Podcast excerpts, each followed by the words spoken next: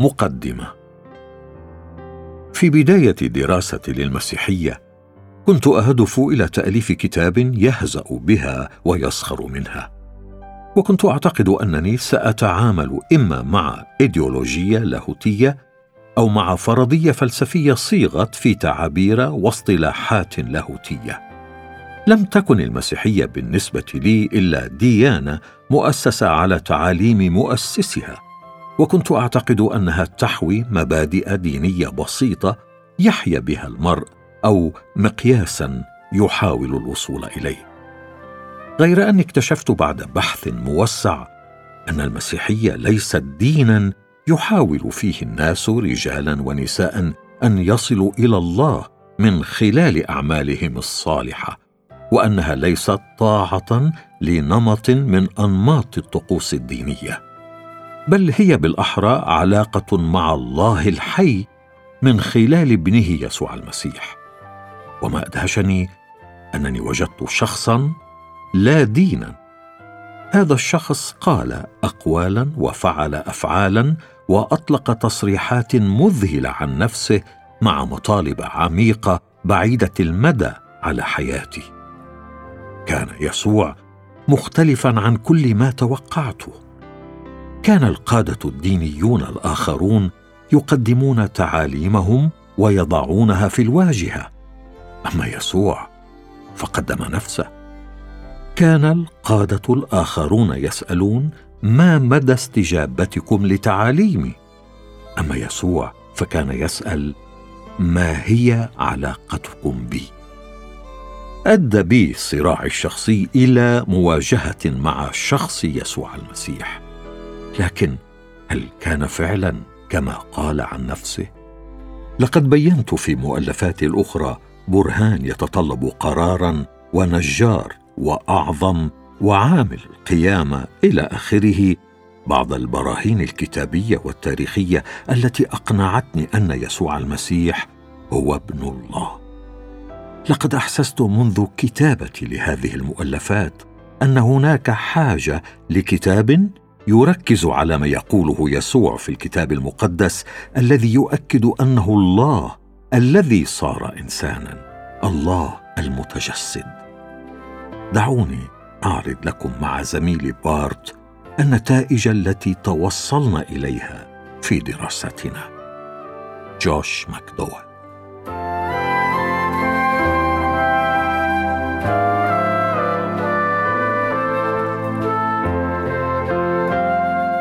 الفصل الأول يسوع المسيح هو الله.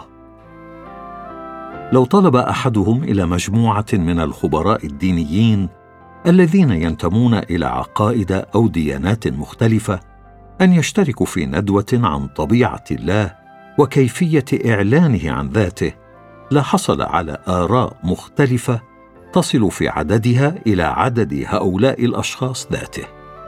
وستتناقض الإجابات عن بعض الأسئلة مع إجابات الآخرين. وإذا افترضنا بأن الحقيقة غير نسبية فلا يمكن أن تكون جميع هذه الإجابات صحيحة. فمثلا إذا قال أحدهم بأن الله إله شخصي وقال آخر بأنه غير شخصي فمن الواضح إذن أن أحدهما مخطئ. فمن يستطيع أن يقول القول الفصل في طبيعة الله. لا بد أن يكون هذا الشخص الوحيد هو الله نفسه. وماذا يحدث لو أن أحد هؤلاء الأعضاء المشتركين في الندوة وقف وقال حتى أزيل كل هذا الارتباك وسوء الفهم حول الله فإني أعلن لكم بأني أنا الله. أنا هو الطريق والحق والحياة. إن مثل هذا الزعم يدخل بنا إلى دائرة الأمور التي يمكن التحقق منها. فإما أن يكون هذا الشخص مصابا بالذهان أو الاضطراب العقلي ويعاني من جنون العظمة وأوهامها وإما أن يكون مخادعا يحاول أن يجعل الناس يصدقون أكبر كذبة في التاريخ وإما أن يكون الله بالفعل. هذا هو تماما ما قاله يسوع عن نفسه. فليس في مقدورنا أن نقول إن يسوع كان مجرد إنسان صالح أو مجرد معلم صالح. فالمعلمون الأخلاقيون الصالحون لا يمتهنون الكذب سواء كانوا متعمدين أو غير متعمدين ذلك خصوصا إذا كان الموضوع يتعلق بكونهم الله العلي. وهم لا يضعون أنفسهم كموضوع للإيمان والعبادة أو يجعلون الوفا لا تحصى من الناس تموت من أجل إيمانها باسمهم. دعونا نضع هذه الأفكار نصب أعيننا ونحن ندرس بعض الطرق التي يمكننا بواسطتها أن نقرر ما هو حق بالنسبة لله. الله معلن. يؤمن مؤلفا هذا الكتاب بأن الله أعلن عن نفسه بطرق متنوعة. لكن يمكن اختبار كل طريقة منها اختبارا موضوعيا بواسطة أسمى إعلانين له وهما الكتاب المقدس وشخص يسوع. فيما يتعلق بالكتاب المقدس فإنه يختلف عن غيره من الكتابات المقدسة الأخرى بأنه يقول بشكل قاطع لا يحتمل اللبس بأنه وحده كلمة الله. إن معظم الأشخاص المهتمين بموضوع ألوهية المسيح يقبلون الكتاب المقدس كوحي من الله. ولهذا فإننا سنفترض لأغراض كتابنا هذا بأن الكتاب المقدس موثوق به تاريخيا وأنه كلمة الله لنا وأنه الدليل الوحيد الصادق لتقرير ما إذا كان المسيح بالفعل هو الله المتجسد أم لا. لنكن صريحين حول سبب إحساسنا بأهمية هذه النقطة بالذات. إن الغالبية العظمى للجماعات التي تنكر لاهوت المسيح على الرغم من امتداحها للكتاب المقدس امتداحا شفويا غير قلبي تضع عادة كتبها المقدسة في مركز الكتاب المقدس نفسه أو فوقه. وهم بهذا ينكرون غالبا نفس ما يدعون الإيمان به ألا وهو المصدر التاريخي الرئيسي لكل تعاليم يسوع العهد الجديد. فلماذا تدعي أنك مسيحي أو متعاطف مع المسيحية إلا إذا كنت مستعدا لتصديق ما علمه يسوع حقا؟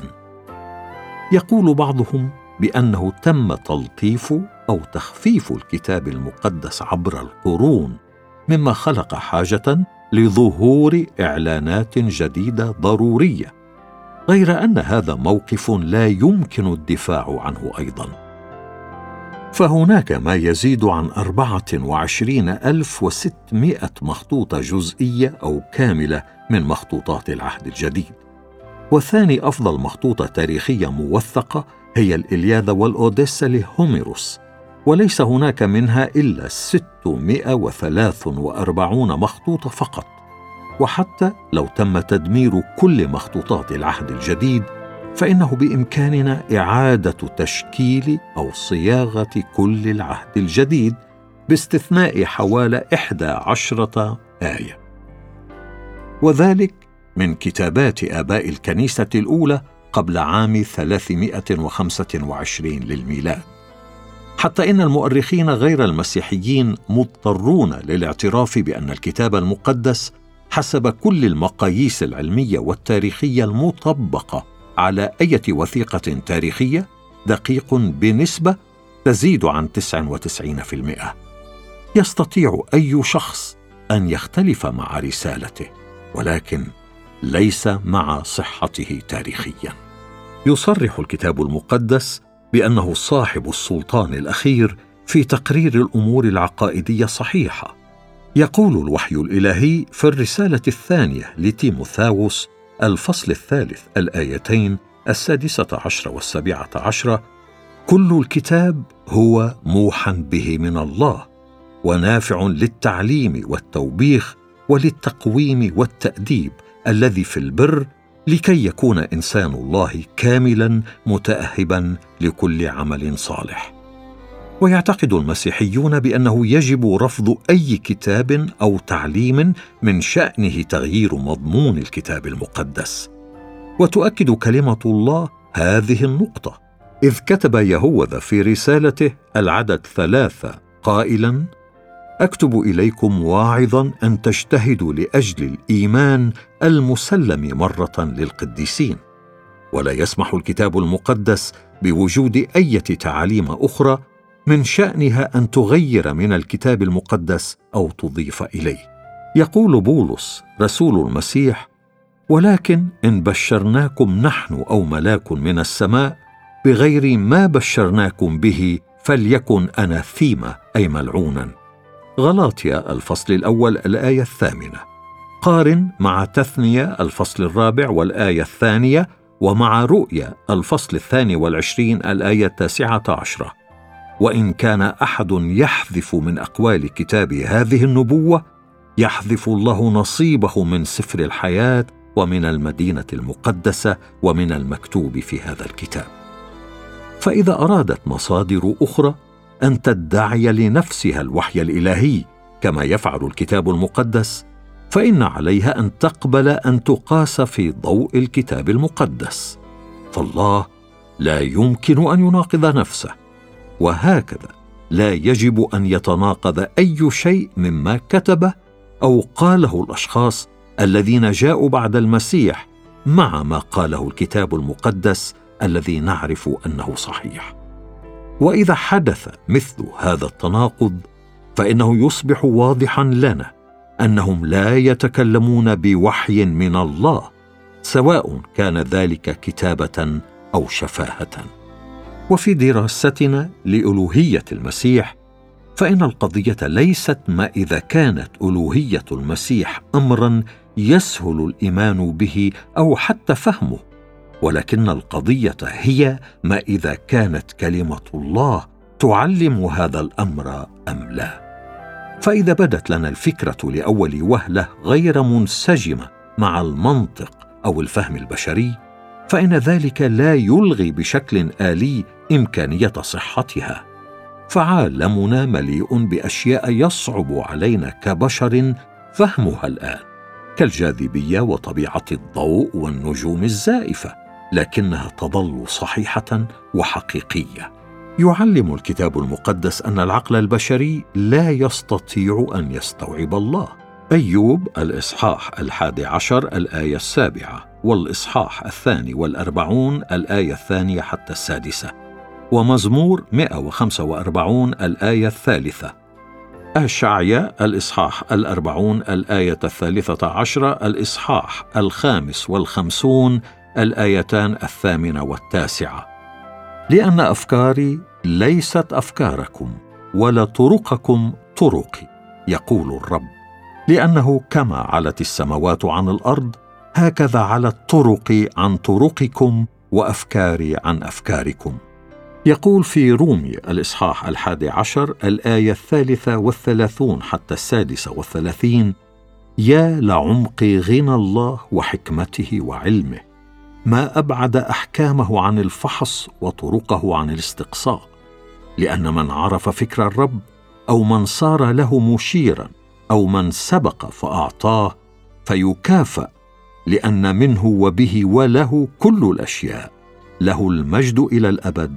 آمين. ولهذا يجب أن يسمح لله بأن يقول الكلمة الفصل عن نفسه. سواء استطعنا أن نفهم ما يقوله فهما كاملا أم لا. يقول الكتاب المقدس فيما يتعلق بإعلان الله عن نفسه في شخص يسوع الله بعدما كلم الآباء بالأنبياء قديما بأنواع وطرق كثيرة كلمنا في هذه الأيام الأخيرة في ابنه الذي جعله وارثا لكل شيء الذي به أيضا عمل العالمين الذي وهو بهاء مجده ورسم جوهره وحامل كل الأشياء بكلمة قدرته. عبرانيين الإصحاح الأول الآية الأولى حتى الثالثة.